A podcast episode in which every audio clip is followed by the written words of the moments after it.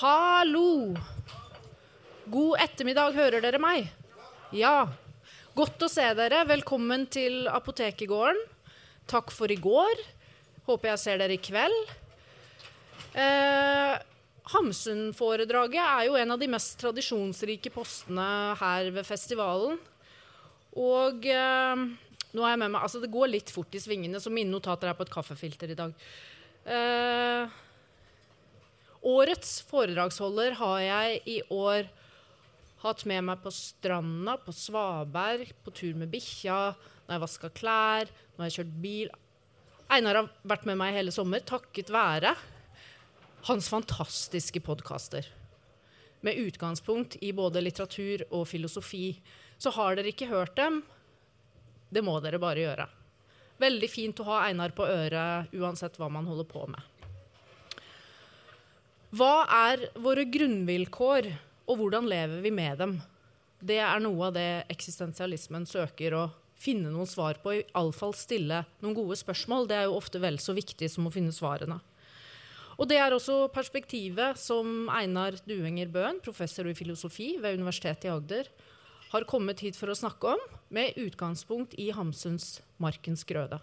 Kjære Einar, velkommen. Vi gleder oss til å høre deg. Tusen takk. Tusen, tusen takk. Veldig hyggelig å ha vært med deg så mye i sommer, Mari. Det var veldig Nå kommer jeg til å tenke på det når jeg spiller inn episoder fra nå av. Hva, hva gjør Mari nå? Hvor er jeg nå? Og hvem er jeg, ikke minst? Veldig hyggelig at det kom så mange. Jeg er jo sjokka, jeg. jeg, jeg midt på dagen. ikke sant? Det er sånn klassisk å skue Hamsun inn på dagtid når ingen kan komme, alle er på jobb, og bare pensjonistene kan komme og høre på. Det er veldig bra. Eh, men ære å få lov til å holde Hamsun-foredraget. Jeg synes det er veldig gøy. Jeg liker å gjøre ting jeg ikke kan noe om. Så å ta et Hamsun-foredrag, det sa jeg ja til med en gang. Og jeg eh, valgte da selvfølgelig den minst kjente boka av alle, 'Markens grøde'. Det var jo også et sjakktrekk av meg, for den har sikkert ingen lest. Så kan jeg si hva jeg vil. Så det er, dette er jo en bok da, som faktisk er slik at det er den eneste boka jeg leser om igjen med jevne mellomrom. Det er den eneste boka jeg kommer på som jeg har lest så mange ganger. Jeg vet ikke hvor mange ganger jeg har lest den. faktisk. Jeg begynte vel på videregående. Leste jeg den. Og så, kanskje sånn hvert femte år, så er jeg sånn Nå orker jeg ikke mer av livet, og nå leser jeg 'Markens grøde'. Eh, og det er interessante er at dette skjer jevnlig, og hver gang så er det like spennende og gøy. Og hver gang så ler jeg like mye. For meg er dette en utrolig morsom roman, eh, men også utrolig dypsindig. Og det interessante som slo meg når jeg sa ja til å gjøre det her, så leste jeg den selvfølgelig om igjen. da. Og det er hvor forskjellig jeg leser den fra gang til gang. Så når jeg leste den på videregående, så leste jeg den jo på en helt annen måte enn jeg leste den i dag. Når jeg leste den på videregående, så leste jeg den nok ganske sånn politisk, vil jeg tro, tror jeg, hvis jeg ikke husker helt feil. Og så leste jeg den husker jeg veldig godt når jeg var småbarnsfar for kanskje sånn ti år siden. Da leste jeg en veldig sånn personlig identitet, forholdet mellom Inger og Isak, familierelasjoner. Da leste jeg med veldig fokus på det. Og så, når jeg leste den nå, så leste jeg den veldig med sånn jeg leste den veldig med sånn forhold til naturen, f.eks. Så, så, det, jeg skal forklare litt mer om boka, men det jeg mener er bare at det er veldig interessant hvordan denne boka her taler til oss i dag, ikke minst, men også hvordan den taler til oss i forskjellige epoker av livet. Og det er et kvalitetsstempel, hvis noe. Det er aldri kjedelig å lese denne boka, fordi hver gang er det en annen karakter, en annen hendelse du henger deg fast i. Uh, og jeg har vært veldig sånn i eksistensialistisk modus de siste åra. Nå ble jeg litt stressa når jeg sier det, for nå ser jeg at jeg sitter, Grimstads store eksistensialist sitter nå på fremste rad. Uh, Så nå må jeg være litt forsiktig hva jeg sier her. Så det var heller ikke noe sjakktrekk at han fikk vite hva jeg skulle holde foredraget her. Men eh, jeg har da lest denne boka nå med veldig sånn eksistensialistisk fokus. Og det er det jeg vil snakke om i dag. Så og med eksistensialistisk så mener jeg kanskje noe eget. Jeg vet ikke. Jeg mener noe sånn som hva er disse grunnvilkårene vi mennesker befinner oss i? Hva er den menneskelige situasjonen? Og hvordan bør vi forholde oss til den? Det er noe så enkelt jeg mener her i dag.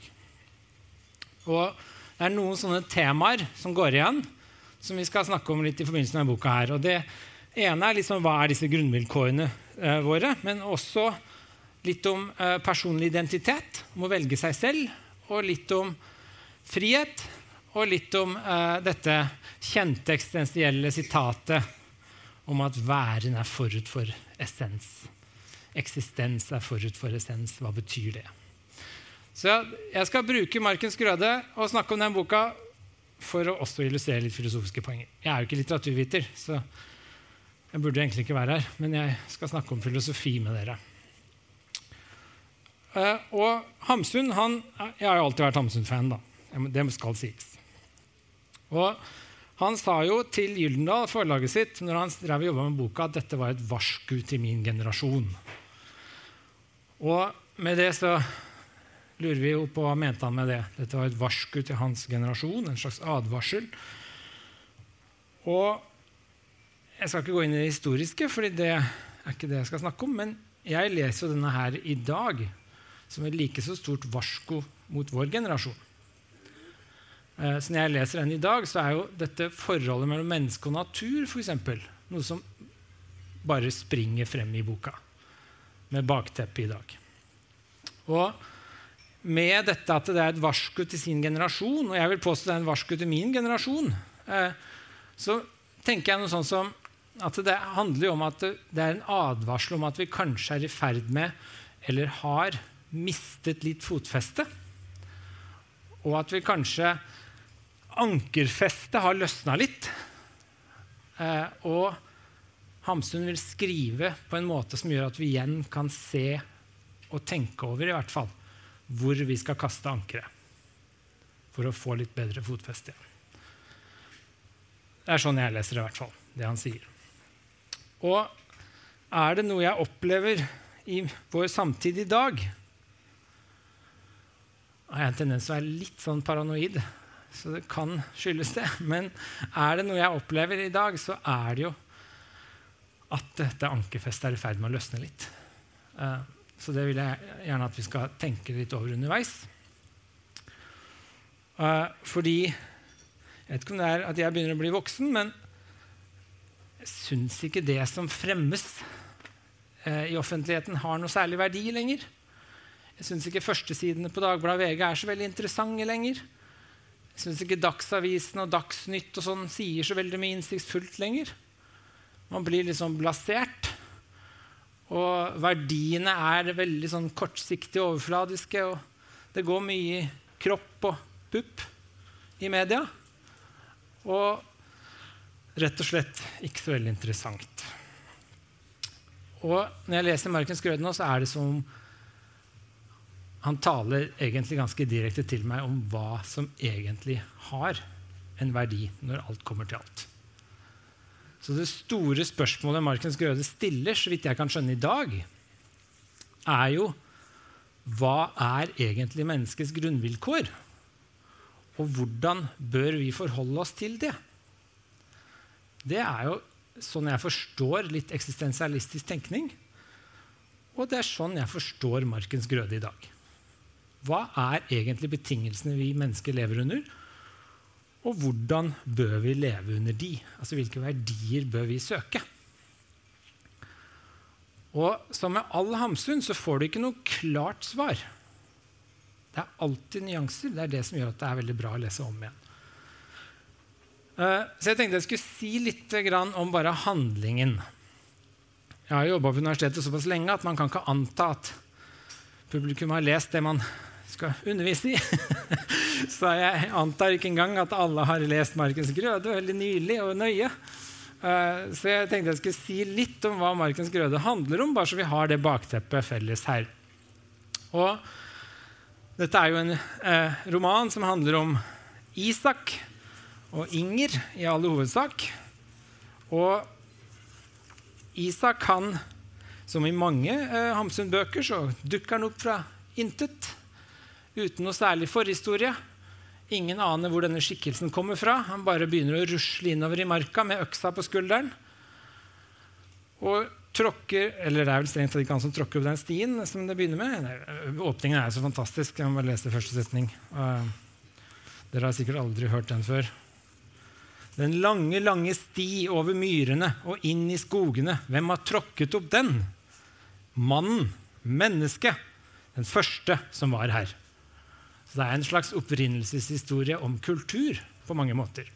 En sti er jo en form for kultur. Så naturen er sånn som bare går sin gang på sine egne premisser. Og kultur er det vi etterlater oss av spor. Så stien er jo en slags kultur. Og så står det litt sånn halvrasistiske ting om lapper og samer. Og så står det slik ble stien til gjennom den store allmenning som ingen eiet, det herreløse land. Og det er på en måte åpninga av boka hvor du ser her kommer det et menneske tråkkende over marka. Så bygger han Første natta sover han bare under et tre med nista under hodet. Sekken under hodet. Og fra der så begynner boka bare å bygge et sted, en bygd. Eh, til slutt så blir han markgreven. Og det er et lite samfunn som har etablert seg i nærheten rundt omkring Sellandrå. Så dette er jo en slags jeg husker når jeg leste med videregående, så leste jeg den faktisk som en hyllest til byen. Da var Jeg veldig opp, jeg vokste opp rett utafor Oslo og skulle ønske jeg bodde i Oslo. Og Da husker jeg jeg leste boka som en hyllest til byen. Det var der det skjedde. Det var dit vi alle skulle. og jeg leste just den ene sønnen, drar til Amerika til slutt. Det var dit vi skulle. Men jeg skjønte jo fort at det var ikke det Hamsun mente som et kompliment til jeg leste just. men eh, så det er det boka egentlig handler om. Og Da kommer Isak dit fra intet. Han en, begynner å bygge en gård sammen med Inger, som også dukker opp relativt fra intet. Hun kommer fra den andre siden av fjellet. De slår seg sammen, de finner hverandre. Uh, og så får de barn. To sønner og to døtre. Uh, Inger, og så er det jo to sånne kjente barnedrapssaker som var veldig aktuell tematikk på den tiden. Så Inger har jo hareskår. Så hun har veldig problemer med dette at hun har et åpent hareskår når hun kommer dit. Og så er hun så redd for at disse barna skal få hareskår og leve med den byrden. Så den ene barnet får det, så dreper hun det barnet når det er nyfødt. Så blir hun dømt for det og må til Trondheim og sone i mange år. Og da driver Isak gården aleine sammen med de andre unga de har fått på den tiden. Så kommer hun tilbake, og da har hun fått sydd igjen dette hareskåret. Eh, og så, eh, ja, Vi kan komme tilbake til Inger etterpå. Men så blir de der og etablerer denne gården. Og de får to sønner. Eh, Elesius, som er eldst, og eh, eh, Sivert, som er yngst. Så får de to døtre, som jeg pinlig nok burde huske hva heter. men ikke husker hva heter akkurat nå. Det er interessant også at de eh, forsvinner ganske bak. Det kan vi komme tilbake til, dette med kjønnsroller. Men eh, Og så eh, er det noen karakterer som er, er rundt omkring. Eh, dette er liksom familien på Sellanderå. Så er det noen karakterer rundt. Det er Oline som kommer av hushjelp rundt omkring litt. Brede Olsen og co., som er nabogården, som ender opp som kjøpmenn nede i bygda. Og så er det Aksel og Barbro som driver en gårdsbruk ved siden av. Eh, der er det også en liten barnedrapssak og litt vingling. Eh, og så er det Geisler, som er denne mystiske karakteren. Den gode hjelperen som kommer eh, og hjelper Sellanrå. Det skal vi også komme tilbake til. Geisler er en veldig fascinerende karakter, men er også veldig vanskelig å få tak på. Mystisk. Så det er liksom fortellingen, egentlig, som foregår. Det er en eh, opprinnelseshistorie om en liten kultur. Og eh, dette er jo, som Hamsun alltid er, til tider en karikatur, så jeg ler høyt når jeg leser det. Men det interessante er at det, det karikaturen er også, den treffer noe. Det er derfor det er en bra karikatur. Alt han sier, selv det mest gammeldagse av det gammeldagse vi kan komme tilbake til, treffer noe. Det er ikke helt fjernt, det han sier. og det er det som er veldig fascinerende her. Så men det er i hvert fall uh, fortellingen i, i, et nøtteskall. Og så er det dette fjellet hvor de utvinner kobber i nærheten, som Isak selger ved hjelp av Geisler. Så han tjener litt penger på det. Og det interessante å merke seg er også at Isak han er jo da Ja, det skal jeg komme tilbake til. Ja. Så det, det, er, det er liksom fortellingen i et nøtteskall. Og når jeg sier da at jeg vil snakke om slags, grunnvilkårene våre og hva slags verdier vi egentlig innerst inne ønsker oss, eller burde leve etter, så vil jeg begynne med Isak. For det er Isak som er på mange måter hovedkarakteren her. Og hva slags karakter er Isak? Isak Sellandrå. På et tidspunkt blir armene hans beskrevet som tømmerstokker. så han er en staut kar. Eh, men hva slags karakter er han? Jeg, sånn jeg tolker Isak nå, så er han, et, han er egentlig et menneskelig paradoks. Han er egentlig alt og ingenting. Han, han representerer for meg det paradoksale et menneske egentlig er. Det vil jeg si litt hva er nå. På den ene siden så er han klok og arbeidsom. Det skinner veldig gjennom. Han jobber som en gærning hele tida. Men han er ikke særlig bevisst og selvbevisst eller tenkende. Han er ikke en tenkende mann. Han er en arbeidskar, ikke en tenker. Sånn sett kjenner jeg meg ikke igjen i Isak. uh, han er snill, veldig snill med de rundt seg, også når de gjør noe gærent. Han er veldig tolerant. Oline driver og stjeler noen sauer og deler ut litt i hytt og pine. Det, han blir litt irritert, men han på en måte tolererer det. Inger vingler frem og tilbake. Han tolererer det. Han er veldig tolerant og veldig snill med det rundt seg. Han driver hele tiden og gir penger til den vinglete sønnen Elesius, som han ikke har noe særlig tro på. Han er veldig omsorgsfull. Samtidig er han ekstremt egenrådig, trassig og bestemt. Det går liksom ikke an å rocke han egentlig. Uh, han er sparsom. Veldig, litt, litt sånn veldig sparsom. Men samtidig så er han egentlig ganske ambisiøs og grådig. Gården vokser fort. Han skal ha mer, han skal ha større. Han vil ha slåttmaskin, han vil ha flere dyr, han vil ha større låve. Enorm vekst på denne gården. Så han er jo på en måte ikke denne, ja, den bestefar som jeg har sett veldig opp til, en morfar som var veldig sparsommelig bonde som fiksa liksom korken på kaffekjelen når han røyk, så satte han på en vinkork i stedet for å kjøpe ny. Og han mente han var bedre enn ny, fordi vinkorken ble ikke varm når han skulle ta av lokket. Så han fiksa ting i stedet for å kjøpe nytt. Han var veldig sparsom. Men han var jo ikke sånn som, han var sånn som Isak på en måte, men han var ikke sånn som ville vokse. Gården skal aldri bli noe større, det skal bare gå rundt. Så Isak er, veldig, han er ganske sånn symboler på vekst, egentlig. Som er litt sånn, eh, også litt sånn interessant. Eh, han er loslitt og møkkete. Han vasker seg hver søndag og går i de samme klærne som de lager sjøl. Ikke særlig pynta der han går rundt på Selland Rå. Men han er veldig forfengelig overfor Inger. Veldig forfengelig når det kommer til Inger. Det skal vi lese litt fra etterpå.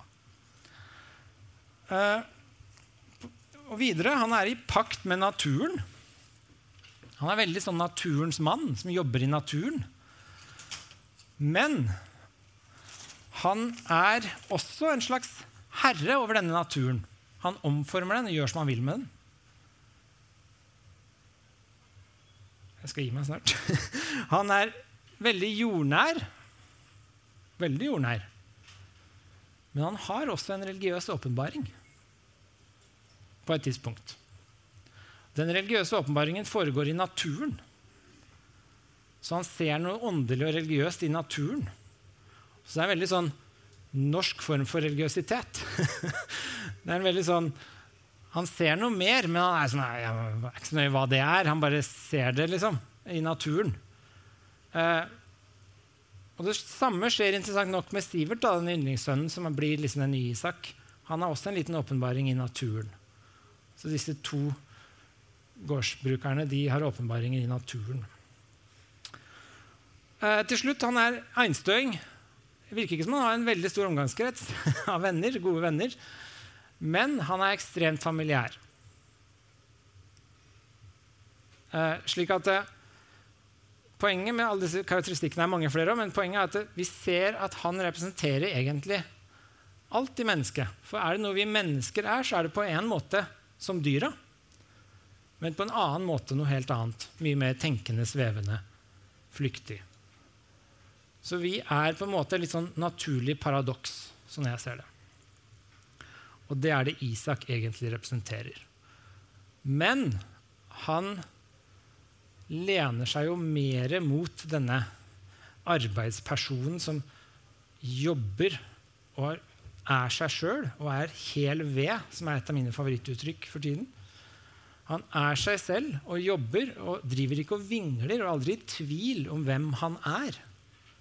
Så han er veldig staut på den ene siden. Så han heller jo mot den siden av hva det vil si å være et menneske. Ikke den derre tenkende, flyktige, forfengelige bypersonen. Så, men han representerer egentlig ganske mye, da. Og hvis vi går litt videre, så kan vi se på forholdet mellom Isak og Inger. Fordi Isak, når han jobber, så er det egentlig alt i alt, tror jeg, da, for å imponere Inger. Når alt han gjør, er for å imponere Inger. Han er sitt på sitt lykkeligste når Inger står og ser på at han drar tømmerstokker. det er litt sånn parodisk, men han er på sitt lykkeligste. Og hvis hun i tillegg sier 'Nei, men skal du ikke ha, ta deg en pause, Isak?' Nei, nei, nei, han drar en stokk til. Da er han på sitt lykkeligste.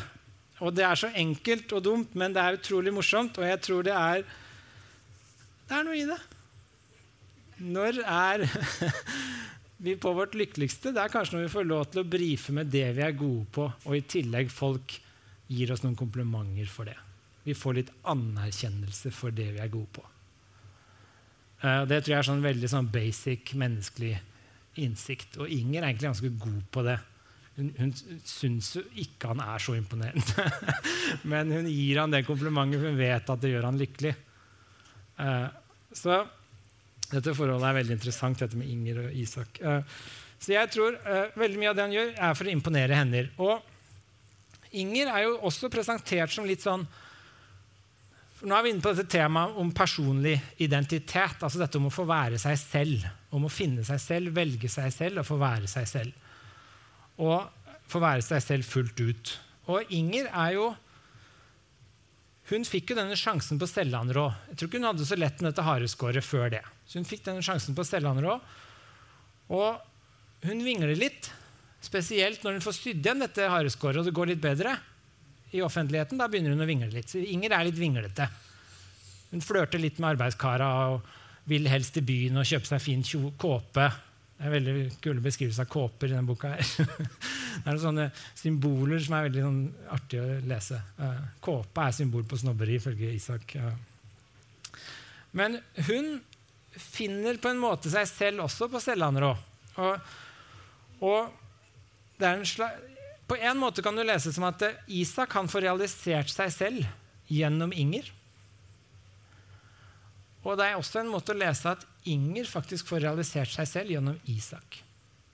Men hun er litt mer vinglete underveis. Men det ender med at hun finner seg selv til ro på Sellandrå.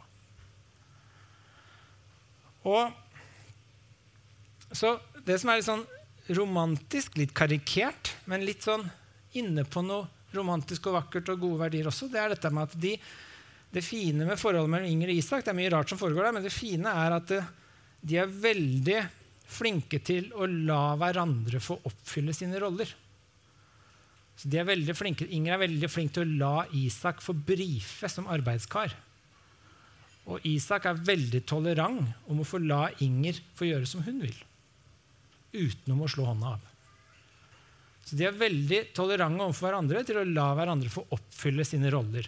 Og denne boka er jo skrevet med litt sånn kjønnsstereotypiske roller. selvfølgelig. Eh, og Det kan vi diskutere mye, men jeg syns ikke det egentlig er så interessant. Hvor utdaterte disse rollene er.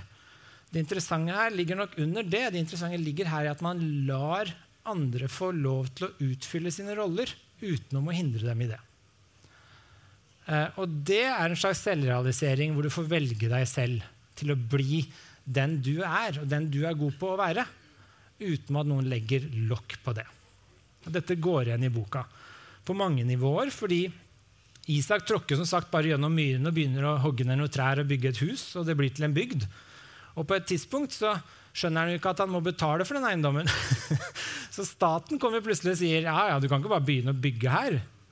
Og det skjønner han ikke, for det er jo han som har bygd det. Dette er det ingen som eier, det var jo ingen der før han. Eh, så Geisler hjelper han litt da, med formaliteten, og sånn, så nedbetaler han denne gården. da.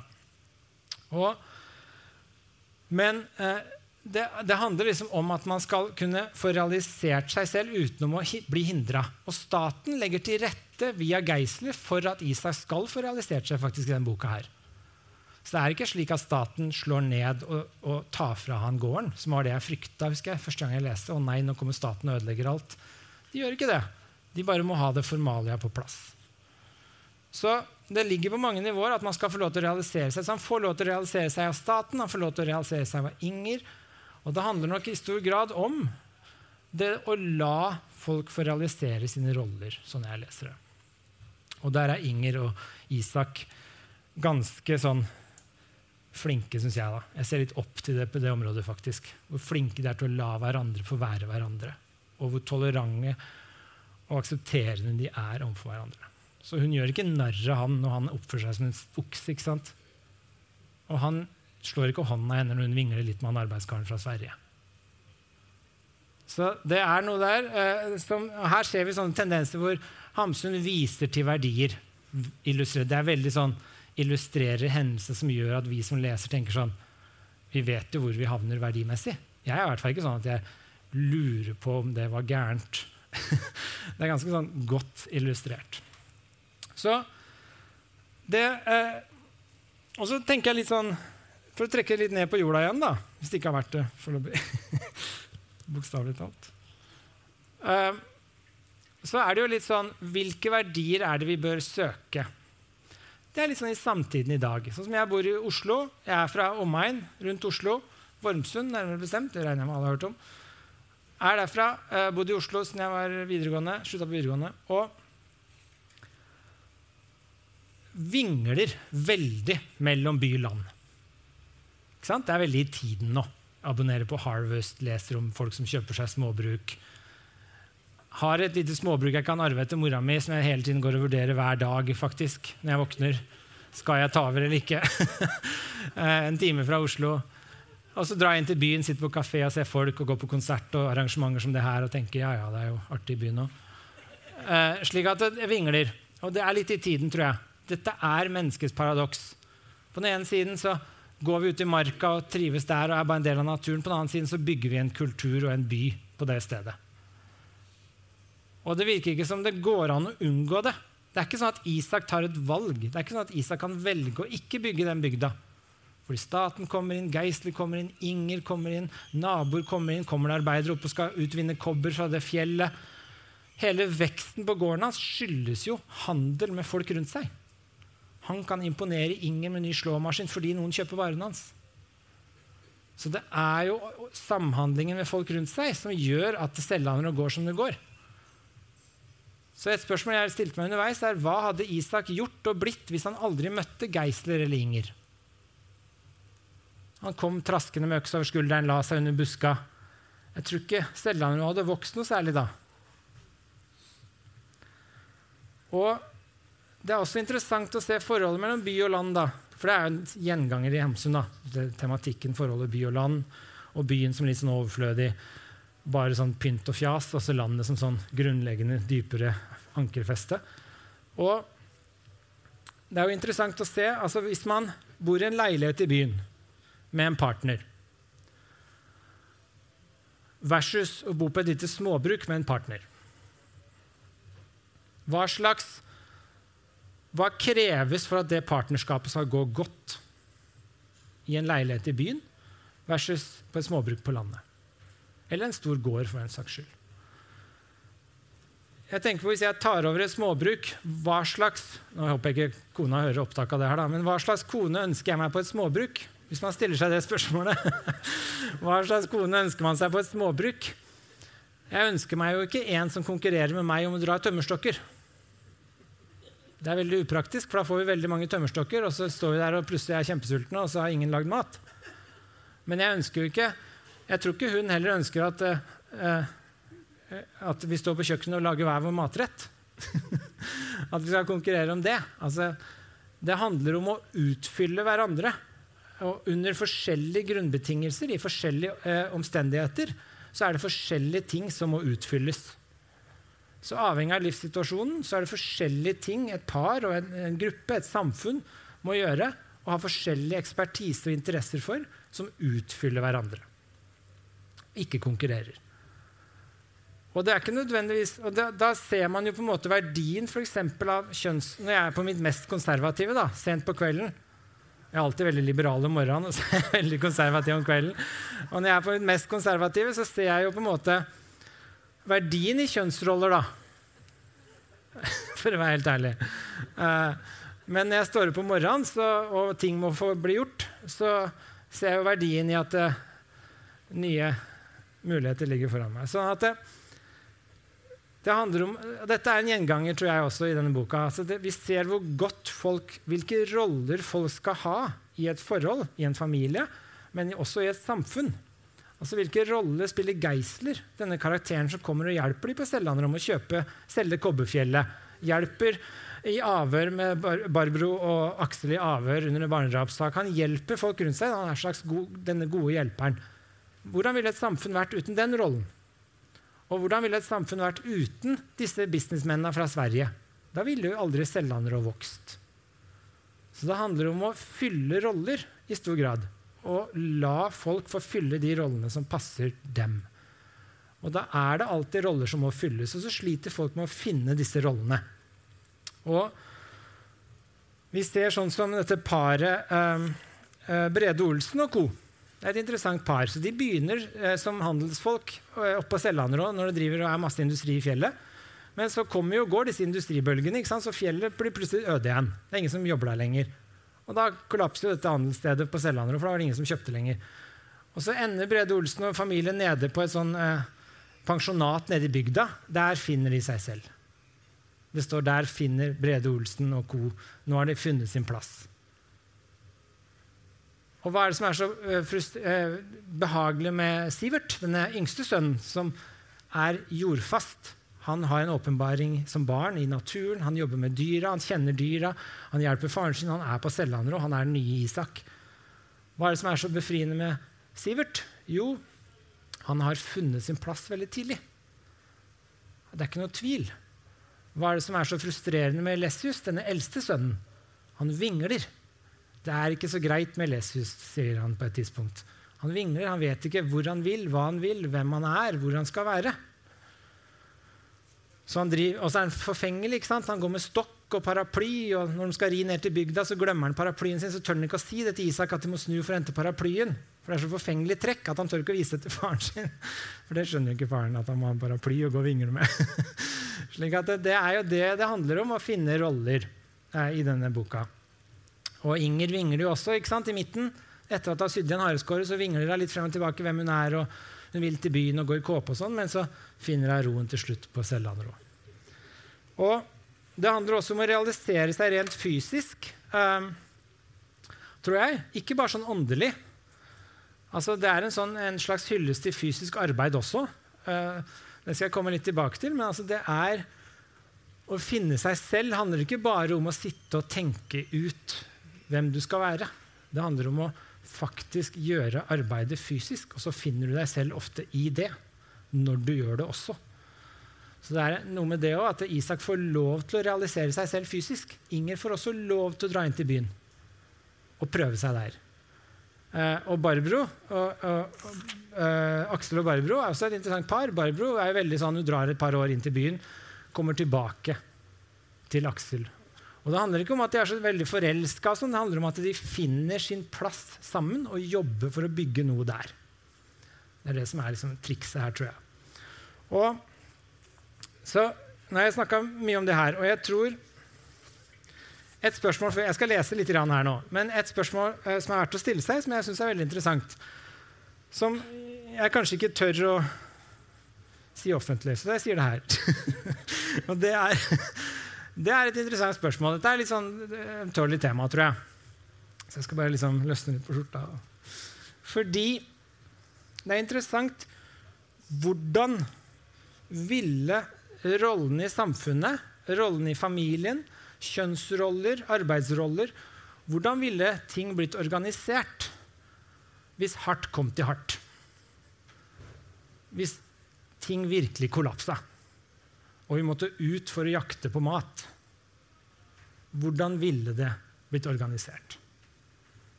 Jeg skal ikke svare på, skal ikke svare på det, men jeg synes det er et veldig interessant spørsmål. Fordi til tider, når man har det veldig Det er noen beskrivelser i boka på søndager og sånn, når de ikke har så mye å gjøre. Dødtiden på Stellanrå den blir ikke benytta. Da går det som regel ikke så bra. Eh, så det er noe når vi har det veldig bra, så har vi også Dette er jo helt tilbake til grekerne. altså Aristoteles snakker om det her. Når alt det materielle er på plass, du har mat, hus, klær, du har ro, du, har, du er mett. Først da kan du begynne å tenke. Du driver ikke og tenker når du må jakte på mat. Så hvilke roller Hvor er det de ankerfestet først og fremst bør ligge? Og så hvor bør vi flørte når vi har det på plass? Det er et veldig interessant spørsmål. Uh, ja, dere skjønte Poenget jeg tør ikke å gå lenger med den tråden. jeg bare tenker på min egen familie. Hvem ville, Hvem ville gått ut og jakta? Ja. ok. Så jeg skal lese litt nå, for det er et par veldig fine sitater her. Um, her er det litt fra helt i begynnelsen, Isak og Inger har møtt hverandre og begynt å etablere seg på Sellanrå. Uh, dette er i del 1, for side 14 er veldig tidlig. Så, sier han, så står det Forelskelse gjør den kloke dum. Han ville vise seg velbehagelig på sin måte, og gjorde for meget av det. Hva jeg skulle sagt, sa han, du gjør ikke å hyppe poteten. Jeg skal hyppe han når jeg kommer hjem i kveld. Dermed tok han øksa og gikk til skogs. Hun hørte ham hogge i skogen. Det var ikke langt borte. Han gikk ikke langt, skjønner du. Hun hørte på braket at det var store trær han felte. Da han hadde hørt på det en stund, gikk han ut på åkeren og ga seg til å hyppe poteten. Forelskelse gjør den dumme klok. Han kom hjem om kvelden og dro en uhyre tømmerstokk i rep. Og den aldeles grove og troskyldige Isak han larmet det han kunne med stokken, og kremtet og hostet for at hun skulle komme ut og bli ikke så lite slagen over han. Jeg mener du er gal, sa hun, også meget riktig da hun kom. Også meget riktig, sa hun det. Eh, du er da vel et menneske, sa hun. Mannen svarte ikke. Falt ham ikke inn. Å være litt mer enn et menneske mot en tømmerstokk, det var ikke noe å snakke om. Og hva skal du ha den stokken til, spurte hun. Nei, det vet jeg ikke, svarte han kostbar. Men nå så han at hun alt hadde hyppet poteten, og det gjorde henne nesten like dyktig som han. Det var ikke efter hans sinn. Han løste repet av stokken og gikk med det. Går du igjen? spurte hun. Ja, svarte han forarget. Han kom med en stokk til. Blåste ikke og larmet ikke, men dro den bare som en okse frem til gammen og la den ned. Han dro i sommerens løp mange tømmerstokker til gammen. Så Det er første sånn eksempel hvor egentlig alt han gjør, er bare å brife for Inger. Skal, det er konkurranse, det er kjønnskampen, og den bidrar til at det kommer en haug med tømmerstokker på gården. Og så, litt senere dette er når Inger da, hun tar jo livet av dette spedbarnet som har hareskår, og ender opp med å sone mange år i Trondheim. Så hun er borte fra gården i mange år. Og det som er interessant er at Når Inger er borte, så er jo Isak alene med disse to sønnene sine. Da kommer Oline, denne hushjelpa som går litt rundt på alle disse gårdene og hjelper til, og hjelper han. Men det er ikke noe stas. Det synes han ikke er noe stas. Oline er et forferdelig menneske, ifølge Isak. Hun bare er der fordi han, av nød. Og så står det her Dette er en beskrivelse av Isak når Inger ikke er til stede. Isak arbeidet og strevet. Han grøftet og brøt på sin innmark. Han hugget skjell mellom seg og staten. Veden ble atter et års favnved. Men da han ikke lenger hadde Inger å gjøre seg grom for, så slet han mer av vane enn av velbehag. Der hadde han jo også ved to ting forsømt og forskjøtet tinglest, fordi det ikke lå ham på hjertet. Han gadd ikke å tinglese tingfeste gården engang. Alt mister litt farge, tone, interesse når Inger ikke er der. Uh, for tinglest fordi det ikke lå ham på hjertet. Endelig nå i høst hadde han hatt tiltak til å få det gjort. Det var ikke som det skulle være med han. Tålsom og sindig.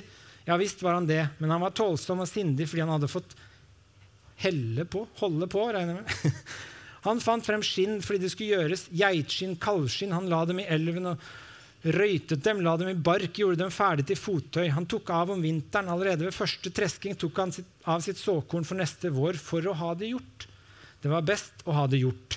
Han var ordensmann. Men det var blitt grått og ensomt for ham. Og ja, herregud, ugift mann igjen og alt i hop. Hva glede var det for ham nå å sitte om søndagen i sin stue vasket og i pen, rød skjorte, når han ikke hadde noen å være pen for mere. Søndagene var de lengste av alle dager. De fordømte ham til lediggang og traurige tanker. Han måtte bare drive om på jordet og se på alt som skulle være gjort. For han holder søndagen hellig, ikke sant? Hver gang hadde han småguttene med, alltid en av dem på armen. Det var trøysomt å høre på deres prat og svare på deres spørsmål. Så tilværelsen uten Inger helt grå. Ikke noe farge, ikke noe liv. Selv om Inger gjør mye rart underveis. Det er hun han jobber egentlig, egentlig jobber for, tror jeg. Og så er det helt på slutten Jeg skal bare ta det siste her. fordi her er det helt på slutten, da boka avsluttes, så er det Inger som egentlig finner seg sjøl, da. Uh, Klingeling, sier bjellene langt oppi lia. Det kommer nærmere og nærmere. Dyra søker hjem til kvelds. Det er 15 kyr og 45 småfe. Dyra er tre snes fulle. Der går kvinnfolka til sommerfjøset med sine mange melkebøtter. De bærer dem i børtre på akslene. Det er Leopoldine, Jensine og lille Rebekka. Det var to av døtrene hans. De er alle tre barbente. Markrevinden er ikke med. Inger selv. Hun er inne. Hun skal lage maten. Hun skrider høy og statlig om i sitt hus. En vest av linne som gjør opp ild i en kokeovn. La gå. Inger har seilet på den store sjø og vært i byen. Nå er hun hjemme igjen. Verden er vid, den yrer av prikker. Inger har yret med. Hun var nesten ingen blant menneskene. Bare én. Så kommer kveld. Så slutter boka. Og sauene, husker du, fant hjem igjen om kvelden. Og det gjør egentlig alle i boka også, så vidt jeg kan skjønne. Ikke alle. Elesius drar jo til Amerika, hvor alle de som ikke vet hva de vil, drar. Uh, jeg dro til Amerika i seks år. så det er jo litt det her. Og så kan man nå Jeg prøvde liksom å illustrere litt av bildet jeg har skissert her. Da. Men så kan man diskutere kjønnsrollene her. På en måte er de hårreisende utdatert. Uh, og, men jeg, det er litt sånn som Alle tekster er skrevet i en tid, uh, og, og, idealisert og karikert. og sånne ting.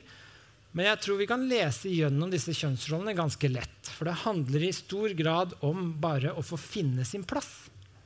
Om å få fylle de rollene som passer deg best, uansett hva det måtte være. Og få realisere det. Det spiller ikke noen rolle da om dette er tradisjonelt ekteskap, kjønnsmønster, selv om man sikkert hadde sansen for det eh, av andre grunner. men det kan også være helt moderne form for partnerskap osv.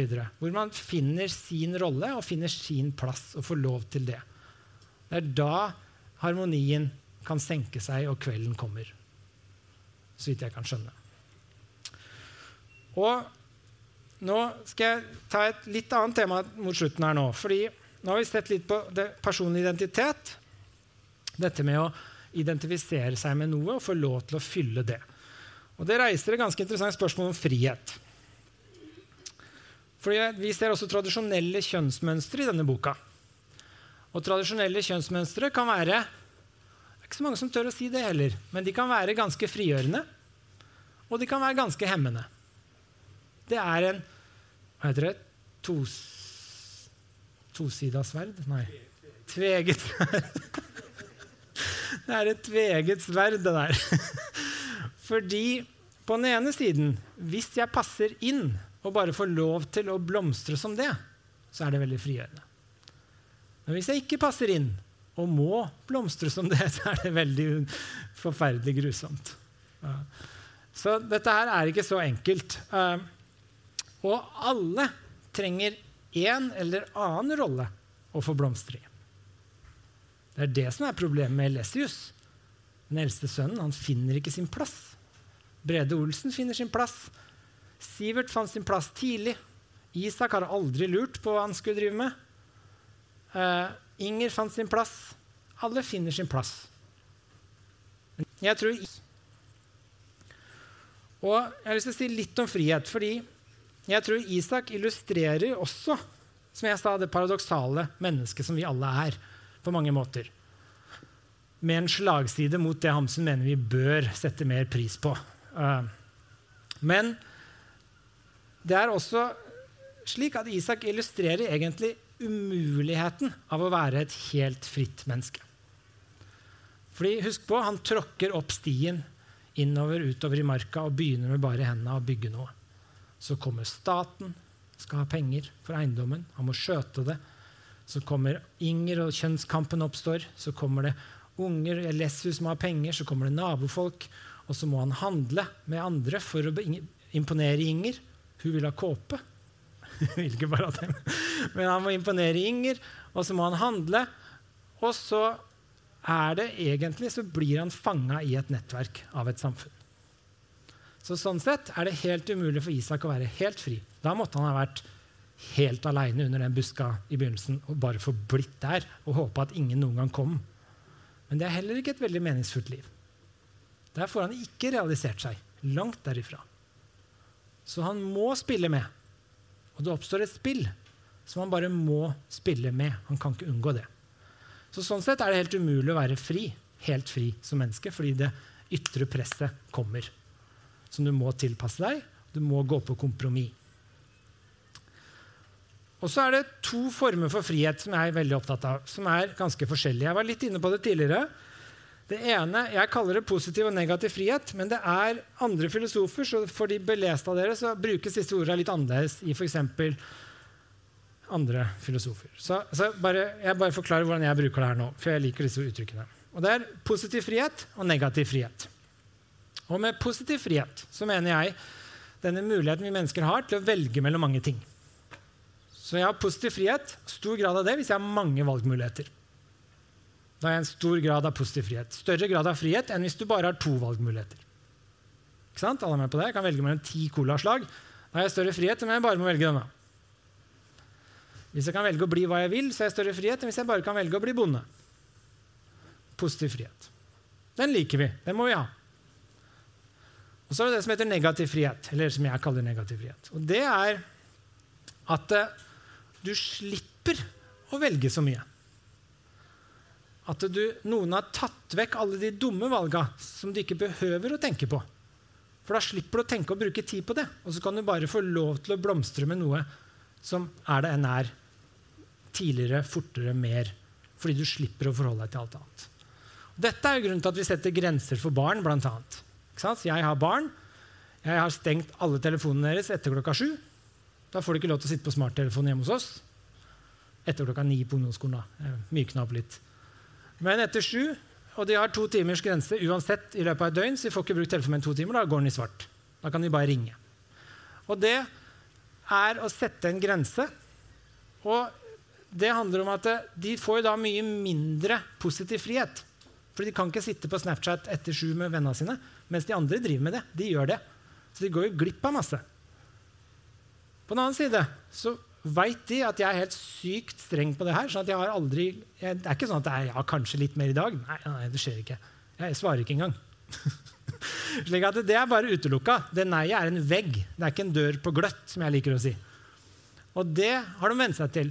Og da kom han mellomste, som er mest ivrig på telefonen en dag, så sa han jeg skal gjøre sånn som deg når jeg blir voksen. Skal la ungene mine ikke få lov til å sitte på det tullet her etter. Det er så deilig å slippe å tenke på det. Da holdt jeg på å begynne å grine. For da funka jo grensesettinga. Fordi de hadde større negativ frihet til å få lov til å fokusere på noe vi alle er enige om er bedre om kvelden. Og det funka. Det er eksempelet jeg liker å bruke på positiv og negativ frihet. Så av og til vil du innskrenke den positive friheten, for det er et gode å ha mindre frihet. Og da følte han seg friere når han ikke hadde de valga, enn når han hadde de. Så dette er en sånn dualitet i frihetsforståelsen vår. Det er det samme som jeg liker å tegne. Jeg er veldig blitt sånn febrilsk opptatt av kulltegning de siste åra.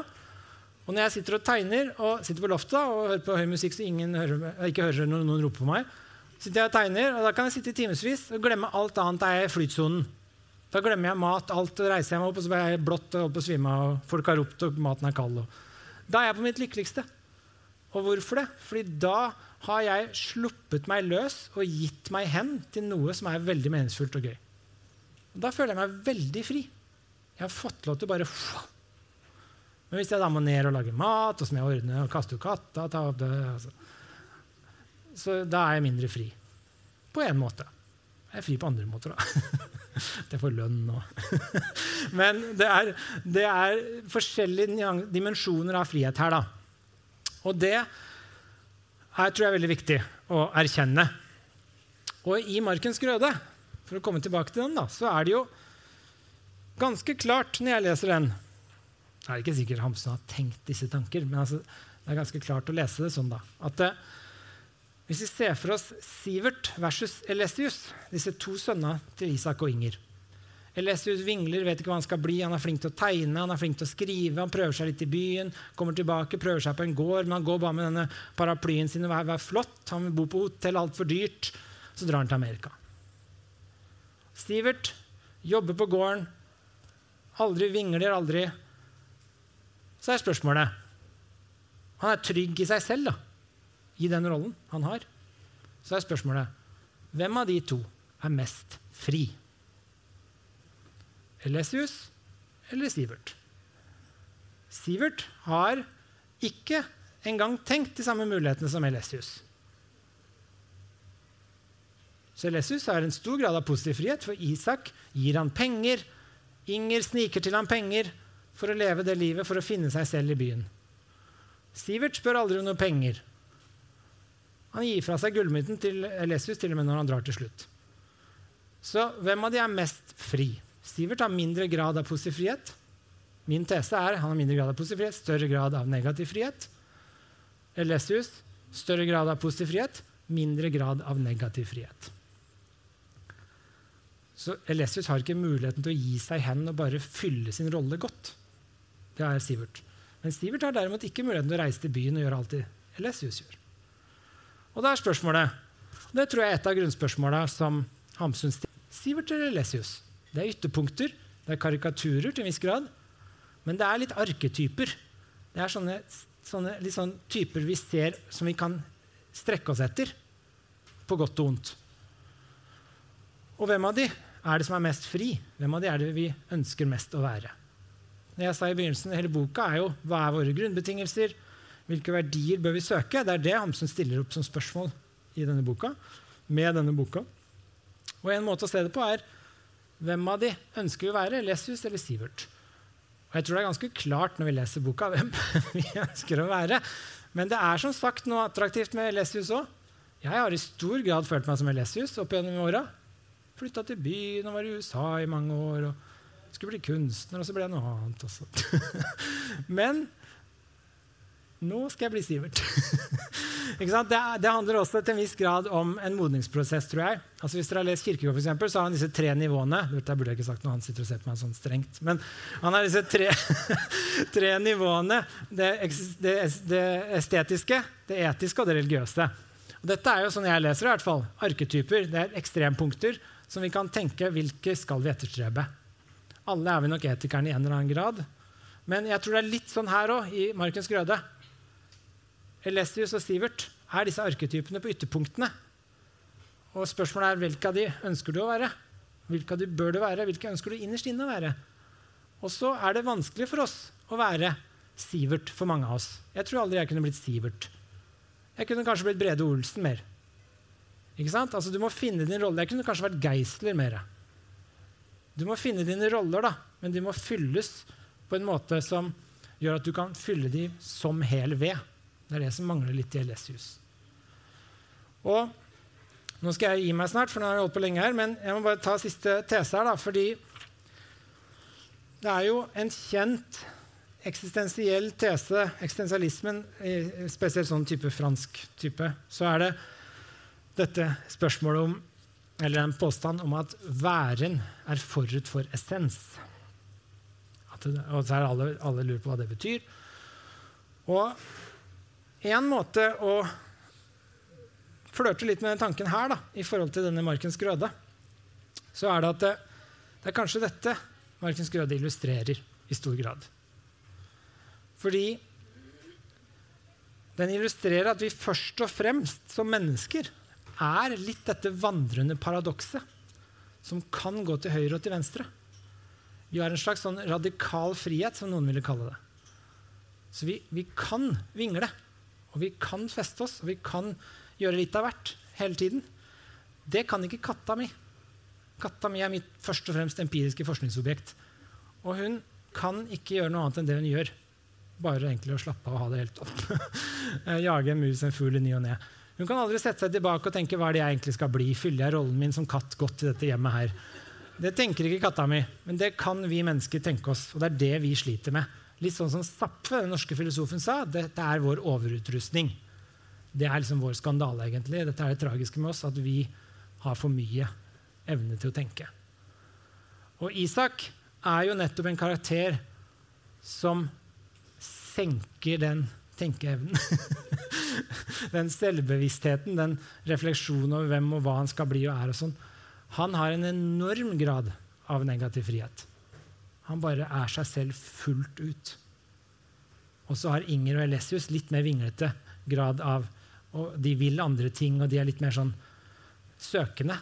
Mens Sivert og Isak de vil egentlig ikke noe annet enn bare være seg sjøl. Altså jeg har tenkt litt på Hva er forholdet mellom Markens Grøde og Gamletestamentet? Ganske interessant, for mange navna går igjen. Det er ganske mange tendenser. da. Jeg skal ikke begynne med det nå, for da blir det en ny time. Men litt tendenser her. da. Bare se Hvem av Adam og Eva er det som på en måte utforsker litt i Edens hage? Og hvem er det som bare dilter etter? jeg har lest inn en podkast om Bibelen nå nylig, og jeg har jo mer sansen for, Adam, eh, for Eva for å si det sånn, enn for Adam. Eva er en mye mer spennende karakter. Uh, Adam er ganske enkel. Uh, litt sånn som Isak. Men det er mange ting. Jeg skal ikke høre på det. Men jeg tror spørsmålet er egentlig litt sånn er det vi ender opp med da, i denne boka. tror jeg. Spørsmålet hvem er det vi ønsker å være av disse karakterene. Men jeg tror, sånn jeg leser nå, så er det det å få lov til å fylle en rolle fullt ut og ha den stor grad av at vi har en vi må ha som sagt begge deler, men at vi har en større grad av negativ frihet. At vi prøver å finne det. Og så er det ikke så viktig å ha all verdens muligheter åpne. Men det er et tveegget sverd, fordi hvis et diktatur gir oss en stor grad av positiv frihet Vi kan velge mellom to ting og ingenting annet. og så er de to tinga ganske kjipe. Da har du et kjipt liv. Så dette er vanskelig balansegang. Dette er paradokset vårt. Men jeg tror vi ikke skal glemme dyden ved den negative friheten og friheten du føler i det, og få lov til å bare være i flytsonen, versus og vi skal ha så mange muligheter som mulig åpne. Dette er ikke enkelt. Og jeg tror det er altfor enkelt tenkt at vi skal i den ene retningen.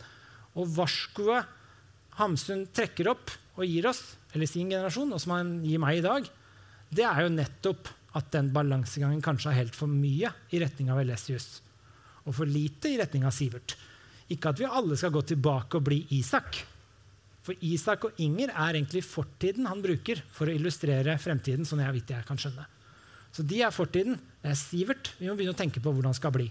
Og hans barn igjen. Eh, og da tror jeg at pendelen kanskje må helle mer der. Og er det noe som, det noe som jeg tar som et klokt råd i dag, med tanke på forbruk, overfladiske nyheter, hjernedøde aktiviteter, brød og sirkus, så er det jo nettopp det budskapet fra Hamsun som jeg tar med meg videre. Så jeg tror jo svaret er at vi må helle litt mer i retning av Sivert enn Elesius. Men problemet er at det er veldig vanskelig fordi det er så mange Elesiuser der ute. Og spillet går sin gang. Og det er umulig å leve i isolasjon. Så det er ekstremt paradoksalt og vanskelig å få til det her. Og det er det jeg mener er liksom Hamsuns genistrek. da, at Han viser dette. Han viser godt hvor vi burde helle, bøye pendelen, men han viser også hvor vanskelig det er å få gjennomført det. Og hvor paradoksalt alt egentlig er. Eh, så det er vel derfor den med all rett vant Nobelprisen nå, vil jeg tro. Så ja, det var egentlig det jeg hadde. Tusen takk.